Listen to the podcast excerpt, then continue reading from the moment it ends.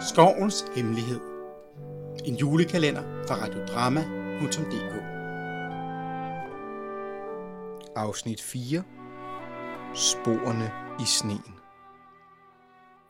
Frida fortsatte med at følge de små spor i sneen, der førte hende dybere ind i den tætte skov. Det var som om skoven selv viste hende vejen.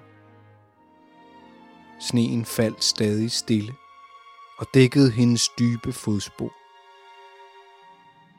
Efter nogen tid stod hun pludselig foran en stor, gammel sten. Stenen var dækket af mos og lignede næsten et drageæg, der vogtede over skovens hemmeligheder.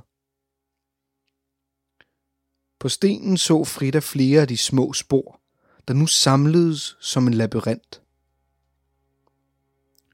Frida grænskede nøje stenen og så, at den var dækket af skovens gamle skrifter og symboler. Hun begyndte at læse de gamle ord, der var blevet hugget ind i stenen af skovens vismænd for mange århundreder siden.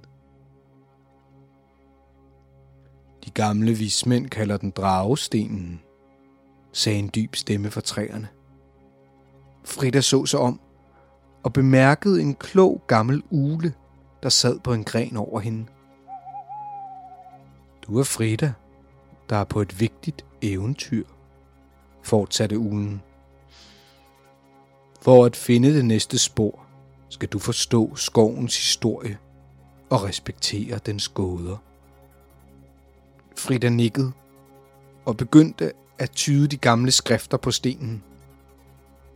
De fortalte om skovens begyndelse, dens væsner og den skrøbelige balance.